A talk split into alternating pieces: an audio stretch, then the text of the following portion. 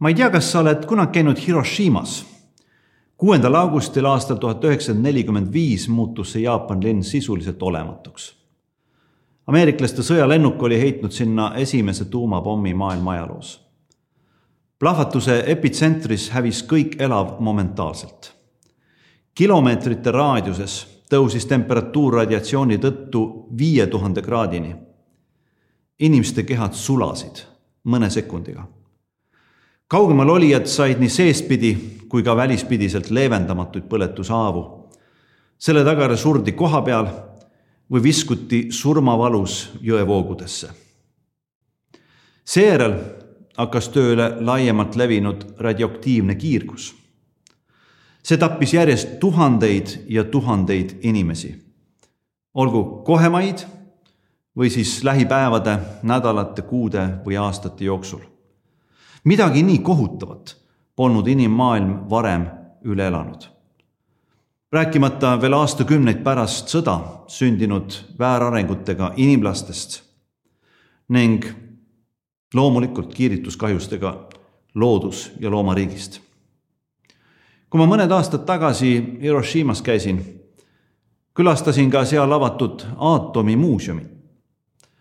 kõiki neid koledusi jälgides ja vaadates adusin vist esimest korda elus päriselt, mida tähendab tuumarelva reaalsuse kohutavus. eetikuna sõnastasin sealsamas tõdemuse, et tuumasõjaks ei saa olla mingisugust õigustust. tuumaplahvatus tekitab korvamatu kahju kogu loodule ja jätab inimmaailma parandamatu kurjuse jälje. nüüd aastaid hiljem olen hingehoidjana nende kohutavate mälupiltide juurde aeg-ajalt tagasi tulnud. aga seda juba teises tähenduses. nimelt ma olen leidnud, et oma kohutavuses võib truuduse murdmine paari suhtes olla võrreldav tuumaplahvatuse järgse hingemaastikuga. olen pidanud nägema ja nõustama nii mehi kui naisi, kelle suhtes on abikaasa truudust murdnud. hingevalu, mida nad on maha jäetud kandma, on hääletult või ka siis häälekamalt neid kisendama pannud. kogu nende elu südamik on hävinud ja mis veel enam, väliselt alles olev elu on saanud tegelikult seesmiselt jäädavalt kahjustatud. truuduse murdmist kogenud inimene tunneb end südamepõhjani reedetuna kogu tema olemus kannatab, edasielamist saadab kohutav valu.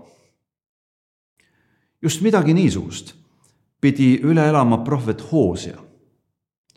selle mehe elulugu omandas prohvetliku sõnumi kuju. Hoosia raamat, mis on leitav ja loetav piiblis Vana-testamendi suurte ja väikeste prohveti raamatute keskel, annab selle dramaatilise ettekujutuse mida peab üle elama üks jäägitult truudust igatsenud abielumees, kui tema naine talle truudust murrab. samas hakkab tema armastuse valuline elu kõnelema tegelikult jumala keelt, jumala häält, jumala sõnumit. jumal, kes on kogenud hüljatust inimeste poolt. jumal on andnud inimestele elu, on andnud jäägitu usu, jäägitu lootuse, jäägitu armastuse ja korraga see Jumal tunneb, et inimene on pöördunud tema vastu. Hoose lugu on inspireerinud mitmeid suuri teoseid ja seda ka Eesti kultuuriloos. kui sul on aega ja võimalust, otsi üles ja loe läbi Hoose raamat esmalt piiblis. aga seejärel ka Eesti kirjaniku Ain Kalmuse romaan Prohvet. nii saad kujuka pildi ajastust ja ka elust, kus Hoosea ja kõigele vaatamata tema armastusele truuks jäämine toimus tema naise ja laste jaoks muutus see aga tõeliselt üleinimliku armu kogemuseks, millest omakorda sai jumaliku armu kogemus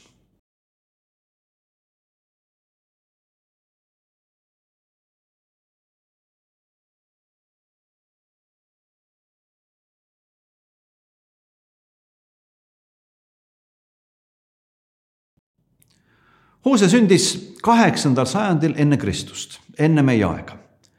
Põhja-Iisraelis, kuningriigis ja abiellus juba noorelt naisega, keda ta lõputult armastas. vaatamata sellele osutus tema välja valitu Koomer siiski mitte truuduse kandjaks, vaid truuduse murdjaks. ja ta hoolimatu käitumine oli nii tema enda ja teiste suhtes, aga veel enam, ta läks prostitutsioonitööle ja vaevalt ta oma meest, oma abielusuhet ja lapsigi tõsiselt selles võttis. nii läks ta korduvalt oma mehe juurest ära, elas erinevate meeste teenustasu peal, sünnitas lapsi, kelle vanemlus jäi lõpuni ebaselgeks. kõike seda üle elades ei hüljanud aga Hoosea ometi tema suhtes oma truudust. ta pidas oma abielulepingut ja võttis Koomeri jätkuvalt oma hoole alla, vaatamata teise poole hoolimatusele, truuduse murdmisele, kogu selle elu jadale, mis oli kohutavalt valus. mida pidi Hoosea selle kõige juures tundma, seda sai lõpuni mõista vaid Jumal. Nende omavahelised kõnelused ja kõnetused, mis on talletatud Hoosea raamatus, osutusid sedavõrd kõnekaks, et muutusid sõnumiks mitte ainuüksi Hoosea perekonnale, vaid tegelikult kogu tema rahvale Põhja-Iisraeli kuningriigis, aga ka lõunapoolses Juuda kuningriigis.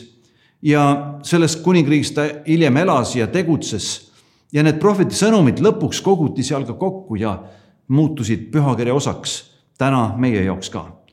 nii me võimegi leida piiblist Hoose raamatu, lugeda seda ja mõista, et see kõnetab ka meid, meie ajastut täna, siin ja praegu. kes siis oli Hoosea? Ja milliseid sõnumeid tema elulugu ja prohveti raamat äh, kätkeb. saame sellest kuulda läbi kolme videokõne.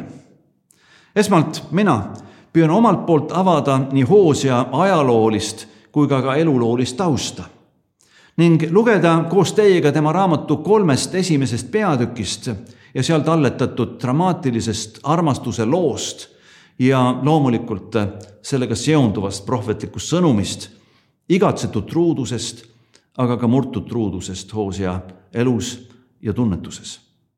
selle järel selgitab Johanna Roosevalt meile Hoosea prohveti raamatu keskmetesse peatükkidesse kätketud sõnumeid.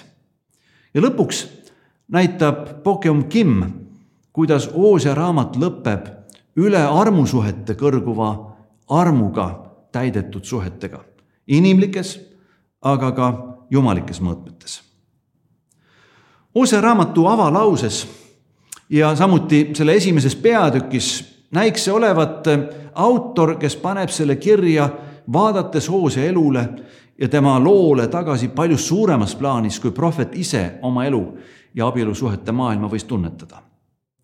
näiteks võis Hoosea raamatu avasõnad kirja panna keegi tema õpilastest. ta kirjutas veendunult, et see oli issanda sõna mis tuli Hooseale Peeri pojale, juuda kuningate Ussia, Jootami, Ahase ja Hiskja päevil ja Iisraeli kuninga Jerobeami, Joase poja päevil. nii me loeme Hoosea raamatu esimese peatüki esimesest salmist. Need kuningad, keda siin nimetatakse, valitsesid kahe kõrvuti asunud kuningriigi üle Lähis-Idas.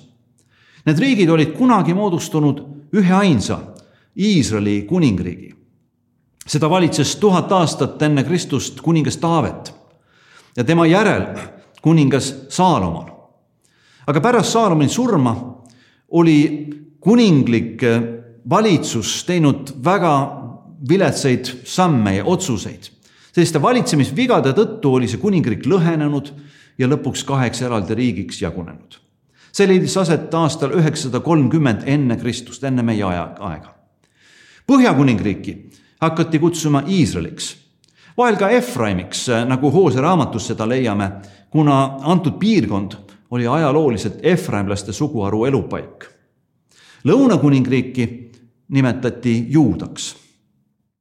ühtaegu vennasriigid ja teiselt poolt ka väikes, väikeriigid, mõlemad pidid otsima võimalusi oma iseseisvuse säilitamiseks neid ümbritsenud suurte maailma riikide pingeväljades. ja see ei olnud kerge lõuna pool mõjutses Egiptus, põhja pool kasvas Assüüria võim, ida pool kerkis esile hiljem suur riik Babyloonia ning lääne pool vahutas Vahemeri. Ja Vahemere majanduspoliitiline tähtsus kasvas olulise kaubateede võrgustiku loojana järjest edasi, päev-päevalt, aasta-aastalt. kõige selle keskel hakkasid põhjapoolse Iisraeli kuningriigi valitsejad otsima endale poliitilist tuge suurriikidega kompromisskokkuleppeid sõlmides. ühelt poolt kasvatas see majandust ning heaolu, kuna äriline suhtlus ja elu edenes, üldine elujärg paranes. samas käis aga alla usuliskõlbeline elu. kuna tolleaegses maailmas allianss suurriikidega tähendas ka seda, et nende riikide jumaluste ja religioossete rituaalkäitumiste tunnustamine oli vajalik nendes väikeriikides. sest nad otsisid ühiseid huve, ühiseid väärtusi ja seisid üksteise eest nii hakkaski Iisraelis üha enam levima ka paganlik viljakuskultus. ja see seostus Lähis-Ida kultuuriruumis toona iseenesestmõistetava eduteoloogia praktikaga. viljakus oli eluliselt tähtis ja viljakusriitused, kus toimetati sõna otseses mõttes seksuaalorgiaid, taotlesid viljakuse kasvu. Kõik see aga hägustas tundmatuseni iisraellaste endi usulist kõlbelist ja ka rahvuslikku eneseteadvust nende narratiivi, nende identiteeti. ainu jumala usk ja kõlbeline puhtus andsid aset paaliks nimetatud jumaluse viljakuskultusele. Paal oli viljakus jumalus ja polütistlik polügaamia tuli selle kõrvale ja üldse niisugune seksuaalne lodevus ja niisugune isekas egole elatud elu. nii näiteks tolereeriti üha enam templi prostitutsiooni ja pühapaikade ümber kujunenud seksuaalseid teenusi Neid pakuti nii meestele kui naistele. Hoosiat aga puudutas see kõik väga isiklikult, kuna tema naine Koomer sidus end kõige tõenäoliselt just nimelt templiteenistuse ümber vohanud prostitutsiooniga. Ta lootis sellest ehk ennast ära elatada, nagu seda tegid ka teised templi prostituudid. aga tegelikult viis see teda sügavamale igasugusesse sõltuvusse. nagu juba varem öeldud Oosia alustas oma prohvetlikku tegevust Põhja-Iisraelis, kus oli Peeri pojana ta sündinud, üles kasvanud, elanud. tollal valitses Iisraeli kuningriigi üle niisugune kuningas, kelle nimi on Jerobeam, aga teda kutsuti Jerobeam teiseks, ta oli kuningas Joase poeg, kes jäi troonile kokku neljakümne üheks aastaks kuni aastani viissada, seitsesada viiskümmend kolm enne Kristust. tema ajal Iisraeli kuningriik küll laienes ja edenes ent käis moraalselt ja usuliselt täiesti alla. inimestevaheline ebavõrdsus kasvas ja seda kasutati julmalt ära. eliit kuritarvitas oma positsiooni kohutava ebainimlikkusega. Korduvalt on seda ebainimlikkust juba varem enne Hoosiat hukka mõistnud prohvet Aamos. tema leiame piibliraamatust. aga samamoodi leiame, kuidas Hoosia prohveti sõnumites on taunitav kuritarvitamine võimu mõttes egoismi ja truudusetuse hukkamõist. Vana-testamentlike kuningate raamatu kokkuvõte kuningas Jerobeam teise elust ütleb, et ta tegi kurja issanda silmis ega loobunud Iisraeli pattu tegema saatmast. kõige selle keskel kõnetas ühtäkki Jumal aga ühte noort meest. tema nimi oli Hoosia ja me loeme Hoosia raamatu esimese peatüki teisest salmist edasi, kuidas see kõik sündis alguses, kui issand hakkas rääkima Hoosia läbi, ütles issand Hoosiale. mine, võta enesele Hoora naine ja sohi lapsed, sest maa lahkub üha hoorates issanda järelt. siis ta läks ja võttis enesele koomeri, Tiblami tütre. naine jäi lapse ootele ja tõi temale poja ilmale. siis ütles issand talle, pane temale nimeks Iisrael sest veel pisut aega ja ma tasun Iisraeli veresüü Jehu soole ning lõpetan Iisraeli soo kuningriigi. Sel päeval murran ma katki Iisraeli ammu Iisraeli orus. ja naine jäi taas lopsa ootele ja tõi tütre ilmale ning issand ütles Oosele, pane temale nimeks Lo Ruhama, sest ma ei halasta enam Iisraeli soo peale, nõnda, et annaksin neile andeks. aga juuda soo peale ma halastan ja ma päästan nad issanda nende jumala läbi, kuid ma ei päästa neid ei ammu, mõõga ega sõja läbi, ei hobuste ega ratsanike läbi. Hoosia varasemates prohveti sõnumites tulebki esile tõik, kuidas Jumala sõna mõistab hukka Iisraeli rahva allakäigu põhjapoolses kuningriigis, aga mitte Juuda kuningriigis. ajaloost teame, et sel ajal, kui Jerobeam teine valitses Iisraeli riigis ja samuti tema järel valitsema asunud ja kuningatrooni pretendentide vahelises võitluses üksteist kukutanud ja ka hukutanud kuningad eh, juhtisid rahvast eh, oma elu ja tegevusega moraalse allakäigu poole. sellel samal ajal esines lõunapoolses Juuda kuningriigis valitsejate Ussia, Jootami, Aahase ja Hiske päevil palju rohkem jumalakartust. valitsejad suhtusid Jumalasse erilise aupaklu, pauklikkusega. Hoosia, kes selleks ajaks oligi äh, kolinud tõenäoliselt juba Juudasse, kui Jerobeam suri aastal viissada seitsekümmend kolm enne Kristust. Äh, tema hindas kõrget jumalakartlike kuningate püüdlust valitseda kuningas Taaveti järjepidevuses ja tema jumalakartlikkuse järjepidevuses ja hoida kinni Jumala usust ja templiteenistuse pühadusest. samal ajal põhjapoolses kuningriigis oli see juba oma aktuaalsuse kaotanud ja tegelikult sootuks ka kaduma läinud. nii läkski, et Hoosia prohveti kuulutused Iisraeli peatsest hävingust täitusid. juba aastal seitsesada kakskümmend kaks tulid Assüüria väed eh, ja hävitasid Põhja-Iisraeli riigi ning selle pea, pealinna Samaaria. küüditasid rahva võõrale maale, kus enamus neist segunes juba paganrahvastega ja ei jõudnud mitte kunagi enam kodumaale tagasi Juuda kuningriik püsis aga veel aastakümneid. iseseisvus säilis, ehkki kakskümmend aastat pärast Iisraeli hävingut tahtsid Assüüria väed tulla ka Jeruusalemma alla. aastal seitsesada üks taheti vallutada nii Juuda kui Jeruusalemma ja siiski hoidis Jumal selle ära, nagu ka Hoosia oli profeteerinud, mida me lugesime. aga Juuda soo peale ma halastan ja ma päästan nad iseenda äh,, issanda, nende Jumala läbi kuid ma ei päästa neid ei ammu mõõga ega sõja ega hobuste ega ratsanike läbi, ütles prohvet. Jeruusalemm sai hiljem siiski vallutatud ja juudid küüditatud, aga mitte assüürlaste läbi. Nende pealinn, Assüüria pealinn, Niinive langes aastal kuussada kaksteist enne Kristust. aga babüloonlased tulid ja vallutasid Jeruusalemma ja küüditasid juudid hulga, hulganisti kodumaalt Paabeli vangipõlve aastal viissada kaheksakümmend kuus enne Kristust. ja sedagi oli kuulutanud Hoosea hilisem prohveti sõnum juba ette, nagu ka mitmed teised prohvetid Vanas Testamendis. kui pärslaste eh, kuningriik aga tõusis esile ja allutas endale babüloonlased, siis eh, lubas Pärsia impeeriumi valitseja Küüros Suur juutidel ometi oma kodumaale naasta ja Jeruusalemm üles ehitada nii linna mõttes kui ka templi mõttes taastada. ja see sai teoks seitsekümmend aastat pärast Jeruusalemma hävitamist, täpsemalt aastal viissada kuusteist enne Kristust. aga tagasi Hoosea juurde. tema prohvetlikud sõnumid teatasid ette kõigist neist hilisematest ka ajaloosündmustest. Johanna ja Pokeum räägivad sellest juba detailsemalt järgmistes kordades aga praegu keskendume Hooseale, tema elukäigule ja sellele, milliste sõnumitega kõnetas ta rahvast oma tegevuse alguses.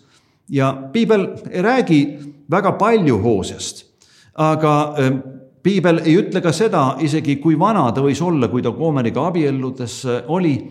aga on tõenäoline, et umbes kahekümne aastane või veidi peale seda. piibel kinnitab, et Koomer sünnitas kolm last, nagu me lugesime esikpojal anti nimeks Izrael ja see tähendab pillutamist või külvamist.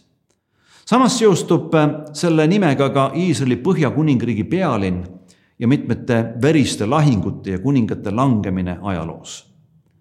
Hoose eluloo üleskirjutaja kinnitab, et see nimi pidi kujunema prohvetlikuks sõnumiks Iisraeli kuningriigi langemisest ja rahva pillutamisest äh, paganrahvaste hulka samas loeme Hoose raamatust, et kui ta oli kosinud Koomeri, Diblaimi tütre, siis naine jäi lapse ootele ja tõi temale poja ilmale. see kinnitab, et vähemalt Hoosia ja Koomeri esikpoeg sündis nendevahelisest abielusuhtest, mitte kõrvalsuhtest. teiste laste kohta seda enam ei öelda. vastupidi, teisena sündinud tütart hakatakse kutsuma Loruhama, mis tähendab ei halasta. ja see on nagu eeltähenduseks Iisraeli truudusetuse andestamatusest.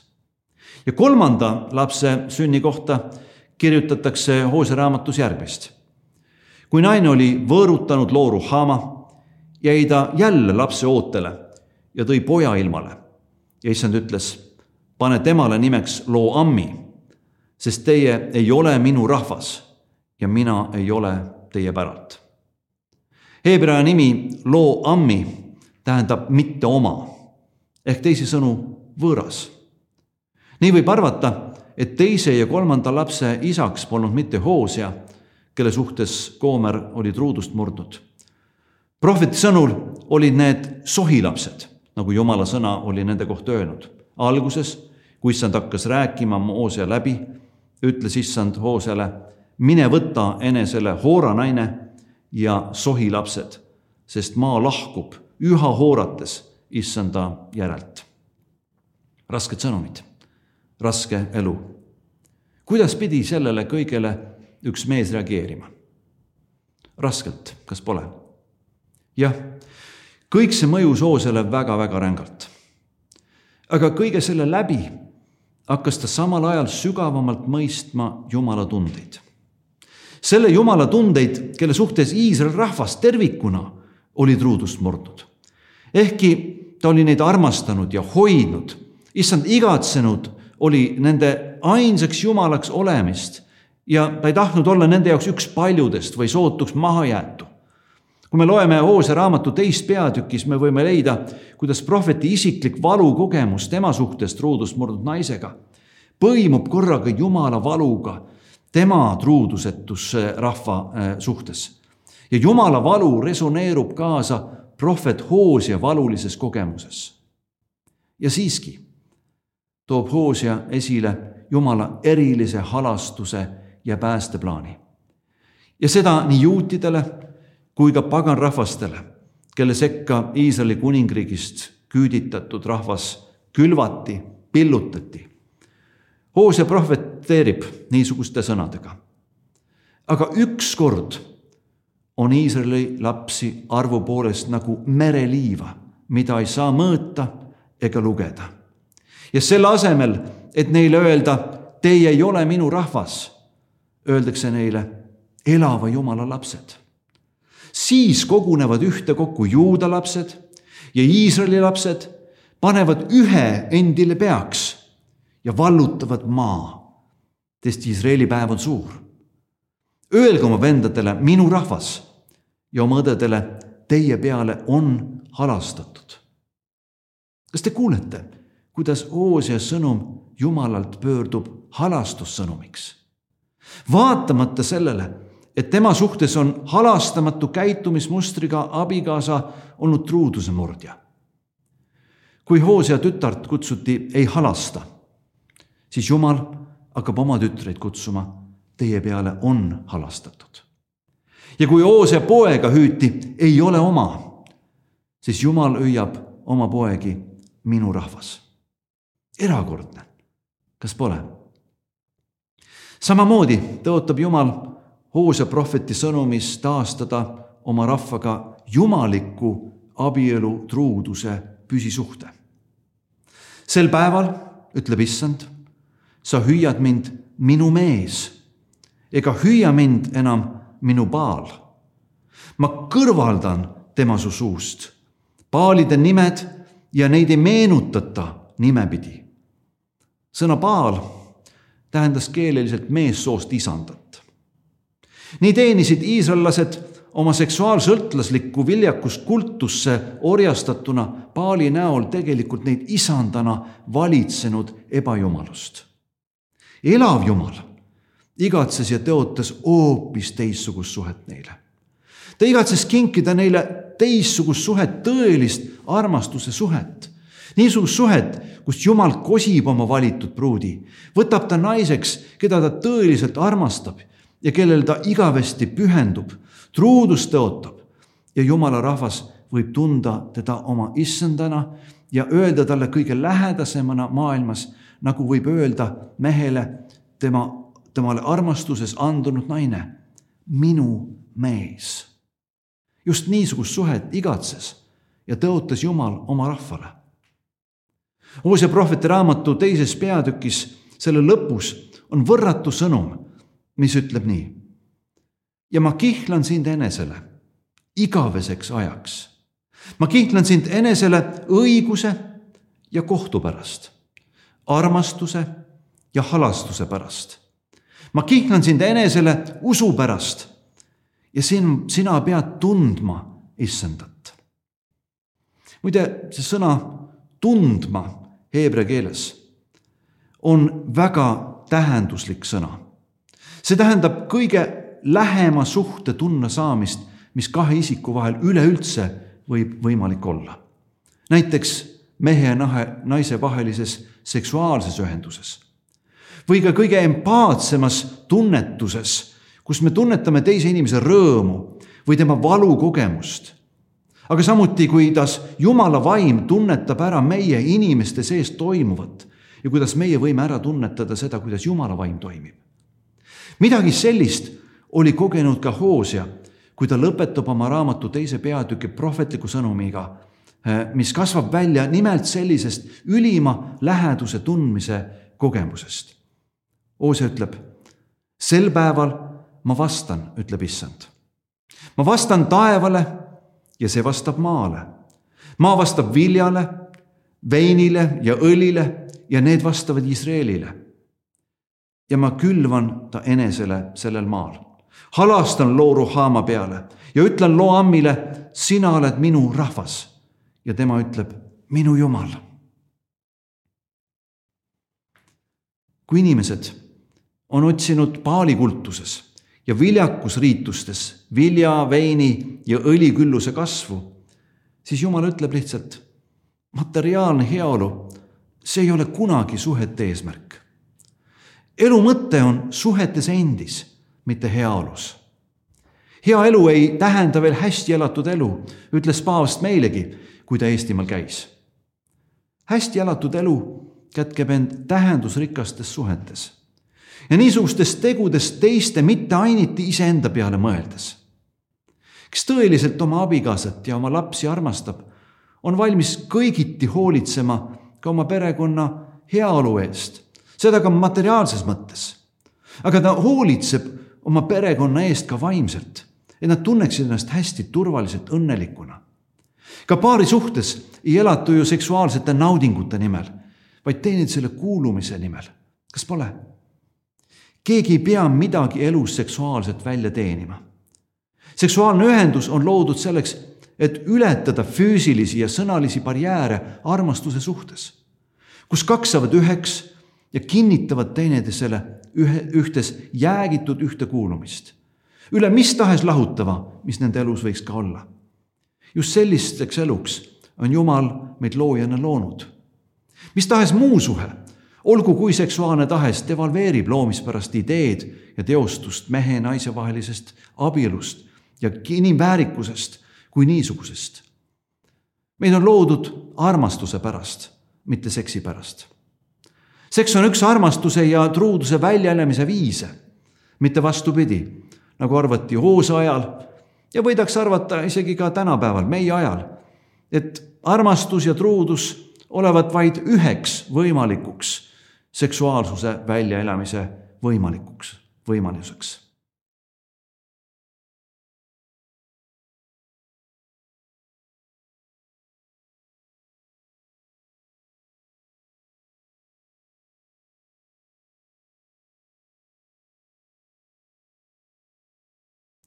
kui Jeesuselt küsiti, mis on kõige tähtsam suhtes Jumalaga, vastas ta, esimene on, kuule Iisrael, issand, meie Jumal on ainus issand ja armasta issandat oma Jumalat kogu oma südamega, kogu oma hingega, kogu oma mõistusega, kogu oma jõuga. teine on see, armasta oma ligimest nagu iseennast. Mingit muud neist suuremat käsku ei ole. nii ütles Jeesus. ja kui temalt küsiti seksuaalsete suhete kohta ja abielu kohta, ütles ta, kas te ei ole lugenud, et loomise algul tegi looja inimese meheks ja naiseks ja ütles, seepärast jätab mees oma isa ja ema ning hoiab oma naise poole ja need kaks saavad üheks. nõnda nad ei ole enam kaks, vaid üks liha. Mis nüüd Jumal on ühte pannud, seda ärgu inimene lahutagu. Need on Jeesuse sõnad ja tema nägemus sellest, kuidas Jumal igavese armastuse ja üheks saamise loojana on mõelnud suhete tähendusrikkusele. see tähendusrikkus on mõeldud meile kõige täiuslikumal kujul ja seda on kõige paremini ilmutanud Jeesus Kristus ise, meid igavesti armastanud issand. Mitte meid ära kasutanud Paal, isand, kes püüab valitseda ja meid orjastada. Jeesus isik, Jeesuse elu, tema tegevus ja tema õpetus tema kannatus ja ristisurm ning tema ülestõusmine ja Jumala riiklik valitsemine üle aegade kinnitab meile tema truuks jäämist. kui me vaid selle armastuse pakkumise vastu võtame. Jeesus ütles, jääge minusse ja mina jään teisse. Jeesus sündis rohkem kui seitsesada aastat pärast Hoosea ette kuulutatud Iisraeli kuningriigi hävimist ja seal elanud rahvavõimud olid selleks ajaks laiali pillutatud üle maailma ja nad olid kadunud rahvaste hulka. tema sünni järel viisid tema vanemad Jeesuse Jeruusalemma templisse, mida oli pärast Hoosiat korduvalt hävitatud ja rüvetatud ning ometi üles ehitatud ja pühitsetud. kui siis Jeesus templisse toodi, kirjeldab ka paganlikus maailmas ja sellest taustast tulnud evangelist Luukas et seal oli ka prohvet Hanna. Benu oli tütar Aaseri suguharust. see tähendab, et Anna oli pärit ühest neist suguharudest, kes olid Iisraeli kuningriigi hävimise ja rahvavõimude laiali äh, pillutamise, küüditumise tulemusel ammu-ammu ajaloos kaduma läinud. see naine aga, ehkki ta oli oma kõrgesse ikka jõudnud, oli tulnud Jeruusalemma et elada kakskümmend neli seitse elava Jumala templis. piibel ütleb, et ta ei lahkunud pühakojast, vaid teenis Jumalat ööd ja päevad paastumiste ja palvetamistega. tema tuli sel tunnil sinna ja ülistas Jumalat ning kõneles Jeesusest kõigile, kes ootasid Jeruusalemma lunastust. See on kirjas kõik Luuke evangeeliumi teises peatükis, sellest võite ise lugeda edasi aga selle ajaloolise ülestähendusega toob evangeelium ehk rõõmusõnum Jeesuse tulekust kokku meid kõiki. kõiki, kes me vajame lunastust, olgu juudid üle Juudamaa või ümberkaudsete maade või israeliidid laiali pillutatuna suguharudena rahvaste keskele ja samamoodi meid, paganrahvaid, kelle hulka kuulume ka meie eestlastena ning teiste Eestimaal elavate inimestena me kõik oleme ühtviisi selle rõõmusõnumi osalised. Jeesus on kogu maailma päästja ja ta päästab meid kõiki jumalast lahutatusest, aga ka inimlikust lahutatusest. ta toob meid kokku, ta toob meid ühte ja ta tahab näha meid ühtse inimsoona. nii läheb ka täide see prohveti ennustus, mille Hoosia ütles välja juba kaheksandal sajandil enne Kristust. kui Iisrael oli juudast lahutatud ning kadus ajaloos kõigi oma rahvavõimudega. Nad kõik tuuakse uuesti ühte kokku, ütles Oosia. Nad ühendatakse ülemaailmse kuningana valitseva issanda alla, kelle nimel on läkitatud meid jüngriteks, üheks rahvaks tegema kõiki rahvaid, alates Jeruusalemmast läbi Juuda ja Samaarimaa kuni ilmamaa äärteni. see oli Jeesuse nägemus ja Hoosia kuulutus. ükskord on Iisraeli lapsi arvu poolest nagu mereliiva, mida ei saa mõõta ega lugeda. ja selle asemel, et neile öelda, teie ei ole minu rahvas, öeldakse neile elava Jumala lapsed. siis kogunevad ühtekokku Juuda lapsed ja Iisraeli lapsed, panevad selle ühe endile peaks ja vallutavad maa et Iisraeli päev on suur, öelge oma vendadele minu rahvas ja oma õdedele teie peale on halastatud. see on sõnum, mis puudutab meid kõiki täna, siin ja praegu ka. kõike seda tunnetas ja kuulutas Hoose prohvetlikult ette, aga see on tänaseks ka tõeks läinud. kõik rahvavõimud on kutsutud Jumala rahva ühendusse. Selle ühenduse on loonud ja viib täide issand Jeesus Kristus ise, püha vaimu läbi kogu maailma looja, Jumala isa auks. kas ja kuidas puudutas ja muutis see sõnum aga Joosep ennast, Hoosep ennast? ja kuidas veel, võime näha. Hoose raamatu kolmas peatükk on Oosea enda poolt kirja pandud auto, autobiograafiline üleskirjutus sellest, kuidas ta vaatab tagasi ja kuidas ta otsustas ühel hetkel Jumalast ja inimlikkusest inspireeritud armastuses minna ja ots-, osta välja ning tuua tagasi koju oma truudusetu naine. Koomer, temast oli vahepeal saanud seksiori, halastamatult ebainimlikul inimkaubanduse orjaturul. Oosa kirjutab, kuidas ta selleni jõudis ja ütleb niimoodi ja issand ütles mulle, mine veel kord ja armasta naist, keda armuke armastab ja kes on abielurikkuja, nagu issand armastab Iisraeli lapsi, kuigi need pöörduvad teiste jumalate poole ja armastavad rosinakakkusid. siis ma kauplesin tema enesele viieteistkümne hõbeseekli ning kahe ja poole tündri otrade eest. ja ma ütlesin temale sa pead jääma mu juurde kauaks ajaks. sa ei tohi teha ooratööd ega kuuluda teisele mehele. ja mi-, minagi ei tule su juurde, sest Iisraeli lapsed jäävad kauaks ajaks kuningata ja vürstita, ohvrita ja sambata, õlarüüta ja teeraviteta. seejärel Iisraeli lapsed pöörduvad ja otsivad issandat, oma Jumalat ja Taavetit, oma kuningat Nad tulevad värisedes issanda ja tema headuse juurde viimseil päevil. see on meeleparanduse sõnum, mida Hoosea tahab esile kutsuda Koomeris ja Jumal tahab kutsuda esile oma rahvas. Hoosea panustas Koomeri väljaostmiseks seksiorjandusturult kogu oma varanduse. tavahind ühe orja eest oli kolmkümmend hõbeseeklit. aga Hoosel ei olnud nii palju raha. tal oli kokku vaid viisteist hõbeseeklit aga ta lisas sellele teist sama palju kahe ja poole tündri otrade hinnas, mis oli turul võrdeline viieteistkümne hõbeseekli vääringuga. nii panustas Oosea koomeri eest kõik, mis tal hinge taga oli. rääkimata armastusest ja truudusest, millega ta oma truudust murdnud abikaasat kõigele vaatamata kohtles ja oma koju tõi ja talle kinkis kõik väärikuse tagasi piibliuurijad on raamatut uurides lugenud välja sellegi, et umbes seitse aastat pärast oma prohvetliku tegevuse algust pidi Oosia asuma elama tõenäoliselt Juuda kuningriigi aladele. ta alustas uut elu uuel maal, aga milleks? kas mitte selleks, et koomerit prostituudina tundnud kogukond ei saaks teda enam tänitada ega mõnitada? et ta ei saaks alustada enam seda, milles ta oli olnud, vaid ta võiks alustada koos oma mehe ja lastega täiesti uut elu.